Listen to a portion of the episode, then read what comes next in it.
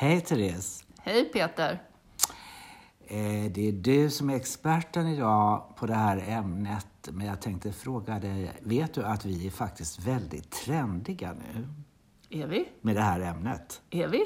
För jag, jag får faktiskt ett nyhetsbrev från Le Monde som Ja. kan få gratis. Som Jaha. handlar om design och mat och trender. Och nu är det flera modehus som den här säsongen Mm. har tagit upp den här färgen i sina kollektioner. International Clin Bleu. Bui, Clin Bleu. Ja. Och eh, ja, ska det verkligen heta så? Eh, ja, det kan man fråga sig. International Klein Blue, Ja, IKB va? IKB. Eh, vi ska alltså prata om, som många säger, Yves Klein eller Yves Klein. Som man säger på franska eftersom han var fransman. Ja, just det. Mm. Men you say Yeah, tomato, I say tomato. Eh, jag säger men potato. Du får säga, du Potato. får säga Yves Klein och jag säger Yves Yves Klein. Klein. Du måste tänka på lyssnarna också. Ja. Han har varit min favorit länge. Eller inte han, utan den här färgen, färgen. har fascinerat mig i många, många år. Men sen har det inte varit så mycket mer med kunskapen. Men jag ser att du faktiskt har här ett huvud.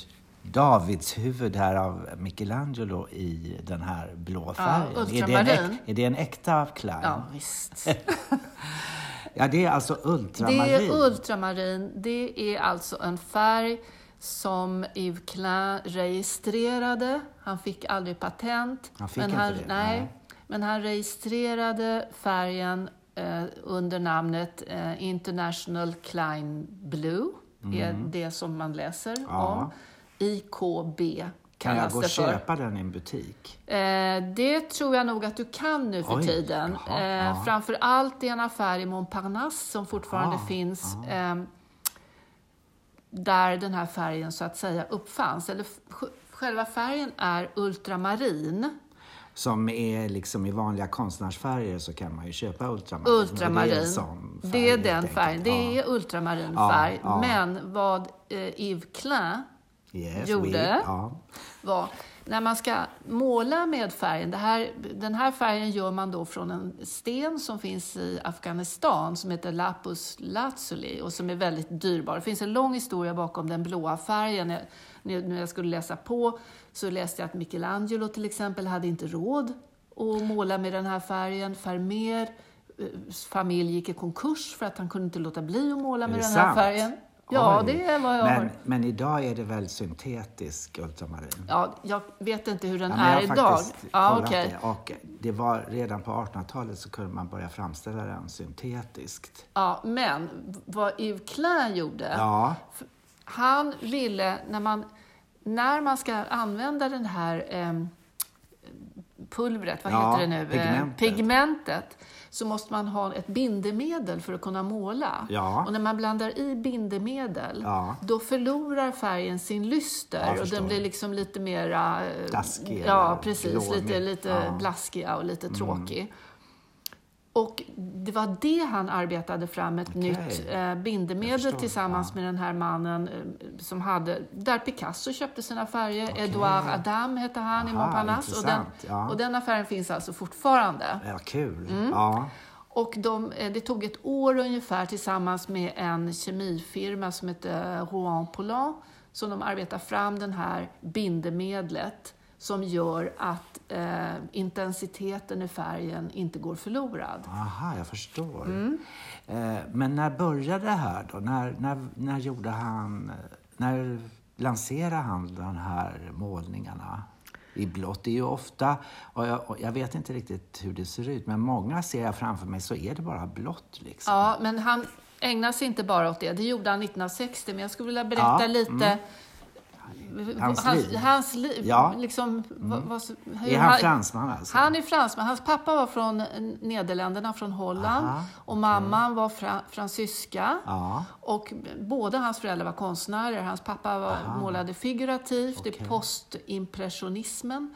Och mamman non-figurativt och hon vann priser, bland annat Kandinskypriset. Så han var uppvuxen i den här miljön, Ja. i Nice. Okej. Han kommer från Ja. Och så var det så att eh, en dag när han var runt 19 år så låg han med sina två vänner Armand och Claude Pascal på stranden i Nice. Och så låg de där och pratade. Eh, och Armand eh, var också konstnär. Jag får återkomma lite strax till det, ska vi avhandla honom bara i några sekunder. Och Claude Pascal var poet. Och då delade de upp världen emellan sig. Armand eh, skulle då ha jorden, Ja. Claude Pascal språket Mm. och Yves Klein himlen och universum. Han sa till dem då när han låg där, plötsligt så sa han att han hade leviterat. Jag tror att han liksom mediterade medan han låg där. Och så hade han förflyttat sig till andra sidan av himlen och signerat himlen. Och han tyckte att fåglarna förstörde, och därför var himlen hans verk. Men fåglarna, han var arg på fåglarna, de- för de förstörde himlen och gjorde hål i himlen, tyckte han. Men vad, den här uppdelningen, vad in, innebar det att de skulle göra konstverk utifrån eller var det bara en Nej, det, var slags som, lek? det var en slags lek tror jag, men Armand blev sen eh, en ganska... Armand Aha. Fernandez. Okej. Du vet, i Paris, på Gare Saint-Lazare, på platsen utanför Ja, Saint-Lazare, ja. så finns det två skulpturer. Det en med klo- ett klocktorn, massor med klockor. Jaha, okej. Och en med massor med resväskor Ah, staplade ja, på varann. så får jag Ja. svag minnesbild här. Det är Armand som har gjort Okej, dem. Claude Pascal vet jag inte liksom vilken poesi, han var poet. Det vet ja, jag inte mer om. Ett, han har skrivit ett förord innehållandes ingenting till en av Clans eh, skrifter. Det, det var det tre sidor med tomma rader undertecknat Claude Pascal. Okej. Ja. Eh, men det var så det, var så det började började, med så att säga. himlen alltså, Himlen, ja.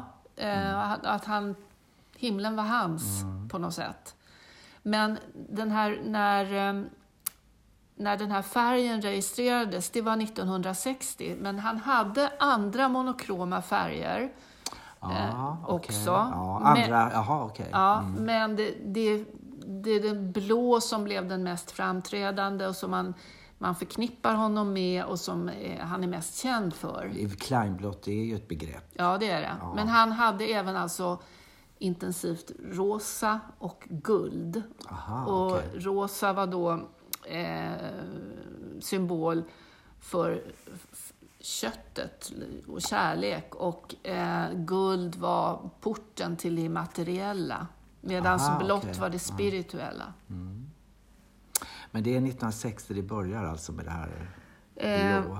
blå. Ja, som han... Nej, han gjorde det innan, men det var då det blev registrerat. Ah, men han Mm. hade alltså 1957 redan en utställning i Milano på ett galleri som hette Apollinaire.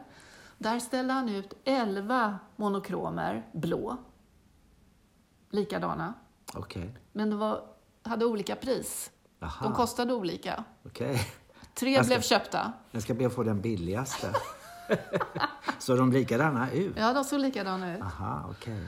Och även det speciella med att de såg likadana ut, det är att han inte använde pensel. Han tyckte att penseldragen var en fiende till färgen. Så det skulle vara helt slätt? Det ska vara eller? helt slätt, så han målade med eh, rollers. Ja, ja. Okej, men sen För då vet blev jag... det ett avtryck liksom av konstnären, om man kunde se penseldragen så blir det liksom Mm, det vill en- han inte ha. Det vill alltså. han inte ha. Men sen vet jag, han har ju gjort där det finns liksom nästan som klumpar i det hela. Ja, just det. Det är lite svampar. Ja, Ja. det, Åh, De kan jag inte förklara. Nej, okej. Men jaha, från början så var det de här släta ytorna? Släta då? Ja. ytor, men he- det skulle inte...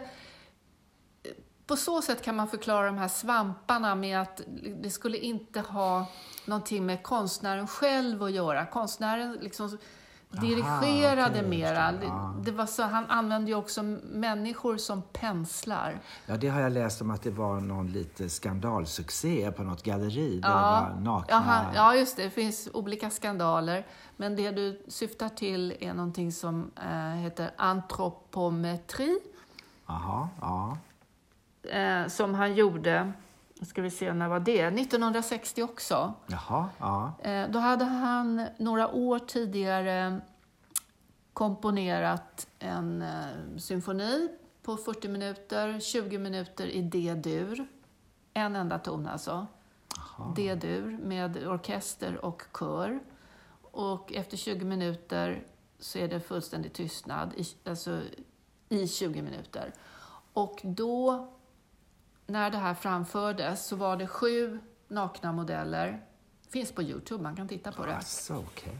Eh, som, eh, som är nakna och som eh, smetar in sig med den här IKB-färgen. Och sen enligt hans, han står där i kostym och väst och alltihopa, fluga tror jag han har på sig också. Han var alltid väldigt välklädd. Eh, och dirigerar liksom hur de ska göra. De ska trycka då sina kroppar mot eh, duk, dukarna. Och det här kallas för, antrop, har han själv döpt till, antropometri. Okej. ja. Mm. Ja, Jag bara undrar hur de fick av färgen sen. De duschade. De gjorde det. Det gick Ja. bort. Det var vattenlöslig färg. Det var vattenlöslig. Den luktade Jaha, tydligen illa. Ja, den Ja. luktade tydligen illa. Så men, det var ju eh, intressant men vad det det var- var för bindemedel som är vatten... Ja. Det, men det vet, numera har man ju väldigt mycket vattenlösliga färger. Mm. Ol, till och med oljefärger är ju vattenlösliga Det kan man få. Ja. Så det är klart han var en föregångare kanske även där. Då. Han var föregångare på väldigt många Men det här var ju, låter ju lite som en happening. Ja, kan man just säga det. då? Han var det för, var... eh, absolut, Ja. Mm. absolut. Och det här var ju en skandal. Det var ju många som tyckte att det här var fruktansvärt. Och det var många som tyckte att det var underbart. Liksom. Idag skulle man nog inte kunna göra det kanske. Med man nakna väl? kvinnor menar jag. Tror du inte? Nej, jag vet inte. Nej. Ska vi pröva? Ja. Nej, men så han, han hade även en annan eh, omtalad, eh, eller han hade flera omtalade, men en annan eh, omtalad som orsakade lite skandal som han gjorde på sin 30-årsdag. Han fyllde år, han var född 1928, Ja. så 28 april. Så den 28 april 1958 så hade han, eh, arrangerade han en utställning på ett känt galleri där de, liksom många det galleriet i Paris som var innegalleriet, som Aha, var tydligen var pyttelitet, Aha, okej. som hette Iris Claire. Aha, okej. Och då hade han en utställning eh, som hette Le Vide, Tomheten. Jaha, ja. Och då gick det ut på, och det var på hans 30-årsdag. För det första så lyckades han några dagar innan vad jag förstår få lysa upp Place de la Concorde, eh, pelaren, Ja, i ja, blått. just det. i ja. blått. Men så var det Aha. någon som klagade. Så Okej. då fick, de, fick han släcka ner. Så att jag tror inte den var upplyst på själva eh, vernissagedagen. Men sen gjorde han i alla fall så att han målade det här pyttelilla galleriet, så målade han utanför liksom allt i den här intensiva blå färgen. Och så hade han eh, blå sammetsgardiner så man fick gå in i galleriet. Men där inne i galleriet så hade han målat allting vitt. Så det fanns ingenting annat. Och meningen var att man skulle känna hans sensibilitet. Alltså han hade lämnat då spåren efter sin egen sensibilitet där inne.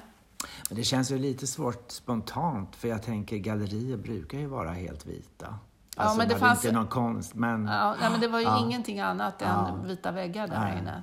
Men de fick någonting att dricka som gjorde att de senare, när de... Blev fulla? Nej. det kanske de blev, men framförallt när de gick på toaletten så var kisset blått.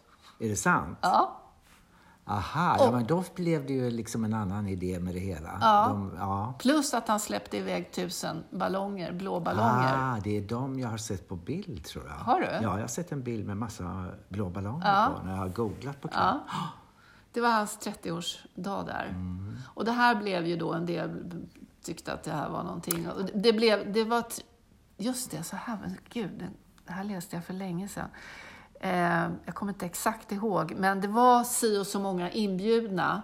Men alla ville gå, så de började ta betalt. Det kom 3000 tror jag. Otroligt. Men det kan man säga att han nästan var ett slags PR-geni här. Ja, och han var tydligen otroligt karismatisk. Ja, ja. Och han kunde det kan man nästan se på bilderna Ja, man du ser har det. visat mig. Ja, liksom hans stor ögon liksom som verkligen, de verkligen lyser. intens- ja, Liksom. lyser, Ja. ja. Mm. Nej, han var tydligen jättekarismatisk och, och, och hade humor och sådär. Charmig människa. Blev de under hans livstid, blev de här tavlorna åtråvärda objekt som eh, såldes för höga det, summor? det har jag inte hans, hört någonting om. Men Eh, antagligen, va? Eller, Jag, ja, jag, jag vet inte om hans storhet kom efter att... Han dog ju väldigt ja, ung. Ja, jag har förstått han det. var bara 34 Vad år. dog han av? Han, det sägs att han... Alltså, på ett ställe så förklaras det med att han faktiskt exploderade, men grejen var att han... Det gjordes en italiensk film som heter Mondo Cane, där han var med. Jag tror att antropomet, antropometri var filmad och var med i den här Mm. Ah, ja. filmen. Mm. Och när han såg, men de drev med honom och det hade ju inte han vetat när de spelade in det. Ah, Så han, han blev så väldigt, väldigt upprörd Ja, så han fick en ja. hjärtinfarkt. men vad hemskt. Ja, men han dog inte just då. Sen fick han en andra hjärtinfarkt några dagar senare och en tredje. Men det upp, upphovet till det hela var att han blev så upprörd över hur de liksom drev med honom. Vilken fruktansvärd historia, Ja, tycker jag. mm. Och då var han ganska nygift eh, också och hans fru väntade barn. Hon fick barn tragiskt. två Ja. månader senare Aj, efter aj, hans aj. död. Han dog den 6 juni eh, 1964. 64. Nej, 62 dog han. Har han fått många efterföljare kan man säga? Eller att starta han en skola nästan? Alltså jag menar att han blev en inspiration för Det, andra. tror jag, absolut, det ja. tror jag absolut att, att han Kan blev. tänka på Ja. Rothko kanske? Ja, men, ja Mark absolut. Rothko Ja. till exempel. Ja. Sen är det ju en del som har nämnt Malevich också som jag gjorde en rysk konstnär eh, som var lite tidigare tror jag, men jag har inte läst in mig på det. Men han gjorde ju också monokromer, men i vitt och svart. Men en av skillnaderna är ju att Yves täckte hela duken medan Malevich kunde liksom måla en fyrkant på duken och sen så var det duk runt omkring Aha, okej. och rama. Mm. in och sådär. Och Yves Klein när han hängde sina tavlor så hängde han dem en bit ifrån väggen så att de liksom svävade. Det här, han sa ju att hans konstverk var as, eh, askan av hans konst. Alltså, Aha, de monokromerna okej. var askan av hans konst. Jaha, okej. Var han även i andra länder, alltså USA och sådär? Ja, så här var det att eh, det här med guldet, vi måste prata lite Ja, om guldet. ja.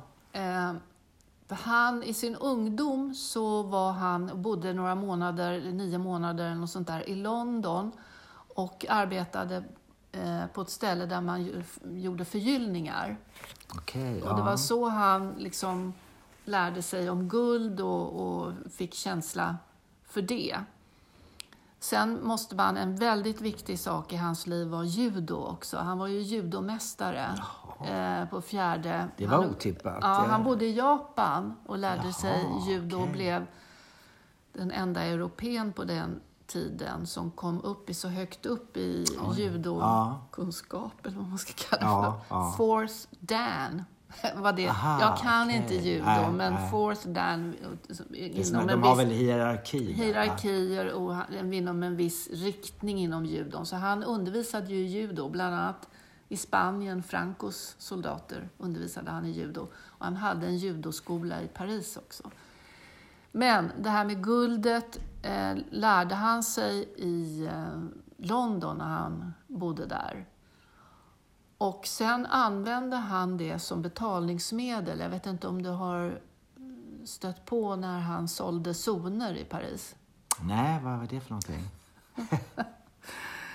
Han, han var, alltså det som intresserade honom var det immateriella. Jag har funderat mycket på liksom, vad, är det, vad är det han vill åt på något sätt. Va?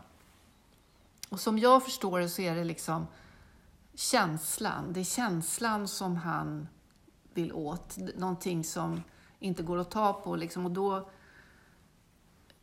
att stå och titta på en sån här blå tavla, då hamnar man i någon slags... Man står och stirrar på den i någon slags meditation och då har man kopplat samman det lite grann också med hans erfarenheter av Japan. Men får jag bara skjuta in att Ja. jag tycker faktiskt att när man står och tittar på en Yves Klein Ja. så är det en speciell upplevelse. Det är jag håller Ja, med om det. Alltså. Det är med. faktiskt det. Det är som absolut. att komma in i en annan dimension på något annan- konstigt sätt. Så han har ju rätt här på ett vis. Det här. Men då var det så att han, det här var på Ile Saint-Louis tror jag i Paris, som Jaha, ju ligger ganska nära Notre Dame. Där sålde han zoner. Alltså, jaha, här okej. kan jag sälja till dig den här delen av Paris. Och, eh, men han krävde betalt i guld. Jaha, Därför ja. att guld tillhör jorden. Det är liksom inte materiellt. Det är hela tiden det immateriella som intresserar honom. Så därför ska man betala med guld för att få köpa den här zonen. Och, Ja, han och då- blev ju rik Ja, men- ja, men- vad som hände var...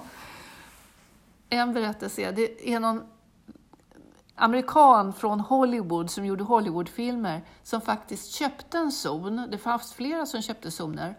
Betalade med guld och vad man då fick för att bevisa att man har köpt den här zonen så fick man ett certifikat som man hade gjort. Men hälften av guldet slängde Yves Klein i floden Seine. Men hälften behöll han. Eh, och sen så ingick i det här konstverket att bränna upp certifikatet. För hur behöll man det? Då var ju det materiellt. Då Jag var det ju förstår. inte immateriellt längre. Och då när jag lyssnade på en intervju om just den här mannen som köpte eh, den här zonen Ja, för det var guld. bara några kvadratmeter. Eller Jag vet inte hur stort det var. Men han, han är konstsamlare. Ja, Och, han, och det här är ett av de tre bästa verken han har köpt i sitt liv. För han sa, jag har det alltid med mig. Jag kommer aldrig glömma den här känslan som jag fick när jag upplevde det här. Och tydligen så hade Notre Dame ringt under liksom den här ceremonin. Det blev ju som en ceremoni. Men han hörde inte det. Han var så helt uppe Oj. i det här. Så, och han, han sa liksom, han har alltid med sig det här verket på det viset. För det var en så otroligt stark upplevelse. Mm. ja, det låter ju märkligt i mina öron, men ja, man får öppna sig för sånt här. Ja. ja. Inte vara så konventionell. Ja. Ja, Nej, och sen... eh, ehm, han gjorde också som väldigt ung, jag tror det här var 1957 redan, då var han ju 29 år, så fick han ett uppdrag i, i Tyskland, ehm, i Gelsenkirchen. jaha. så byggde de en ny musikteater. Och då fick han i uppdrag att eh, dekorera foajén. Så att om man åker till den teatern så är det en, en hel vägg som är 20 meter gånger 7 som är i... Blått. Ja, Ah, och med svamp också mitt i, Ah, mitt ah, i liksom, mm, som är, är blå. ja, det måste vara mäktigt. Ja. Ja. Eh, Men den här blå färgen, du har ju, nämnde ju för mig när vi började prata om det här ämnet. Då sa du någonting om den blå färgens historik som jag tyckte var intressant. Ja, Att, eh, ja, det här att den kommer från Afghanistan menar du? nej, jag tänker på den symbolvärde det har haft inom konsten och du nämnde Jungfru Maria. Ja, just det. För att om man tittar på avbildningar av Jungfru Maria så har hon ju en, en blå Mm, det stämmer nu när du dress säger det. på Ja. sig. För blått var alltså, som jag sa i början här nu, eh, en, det, var en dyr, den här färgen var jättesvår att framställa Mm. ja. av den här bergarten då som Ja. kommer från Afghanistan. Ja, just det. Ja. Och, bara en sån och bara grej om man att skulle liksom, ja, och man skulle liksom smula sönder det här och det blev bara ytterst lite Ja, och, och, och svindyrt. Så att det var därför som hon hade, för det var den absolut finaste Mm, färgen man kunde ha. Liksom. Mm. Likaså hörde jag i något reportage om, om den här färgen att ehm, Tutankhamons... Eh, Ja, det är blått det här han har på huvudet. Där. ja, och hans ögonbryn är tydligen såna här ultramarina Ah. Ja. stenar. Ah. För det är den absolut, det var den absolut Ja. fina, Ja, jag finaste. Ja. färgen. Liksom. Mm. Men han målade ju inte bara med eh, färg och nakna kvinnokroppar utan han målade även med eld. Jaha. Ehm, Med eld? Ja, kan man göra det? jo. Då gjorde, gjorde de så eh, att han fick låna, därför att han kände tror jag, eller därför att han hade så bra övertalningsförmåga, Gas de France, alltså gas, eh, Yes. gasverket Ja, ja. utanför Paris, fick han låna. Och där hade han stora eh, papper, kartong skulle jag tro, men jag vet inte riktigt, som från Sverige efter vad jag har hört. Jaha. Och så hade han med sig kvinnor som var nakna. Och då fick de pressa sig mot de här papperna.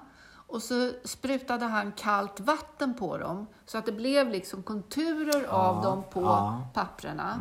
Och sen ställde han sig med en stor, jätte, jag har sett bilder, jättestor eldspruta. Det bara forsade ut liksom eld som han riktade då mot de här, det här pappret. Ja, modellerna var ju borta De därifrån. var ju- Ja, får vi hoppas. Ja.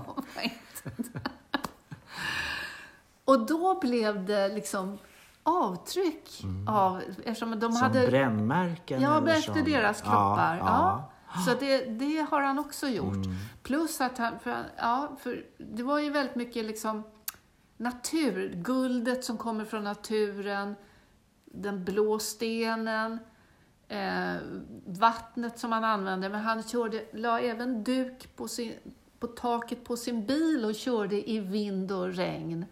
Och, och så blev det någonting liksom på Okej, duken. ja. Så det var, ja, En häftig personlighet Ja, måste han ha var- haft. Ja. Men jag tror man faktiskt, det finns väl på Moderna Museet tror jag, så finns det ju eh, en Yves Klein-målning, har jag bestämt för vi mig. måste gå dit och titta. Ja, ska vi göra det? Ja, det vill jag absolut göra. Vi gör det nu. Nej, men det är en sak som jag måste Ja, berätta. ja. Nej, men det, det är några saker som vi inte får glömma. Han, Nej. var, han, alltså, han var ju även... Eh, han gifte sig ju Ja, med en tysk kvinna som hette Rotraut.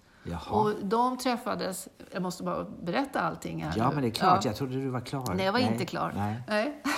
jag tyckte det lät så. Ja, nej.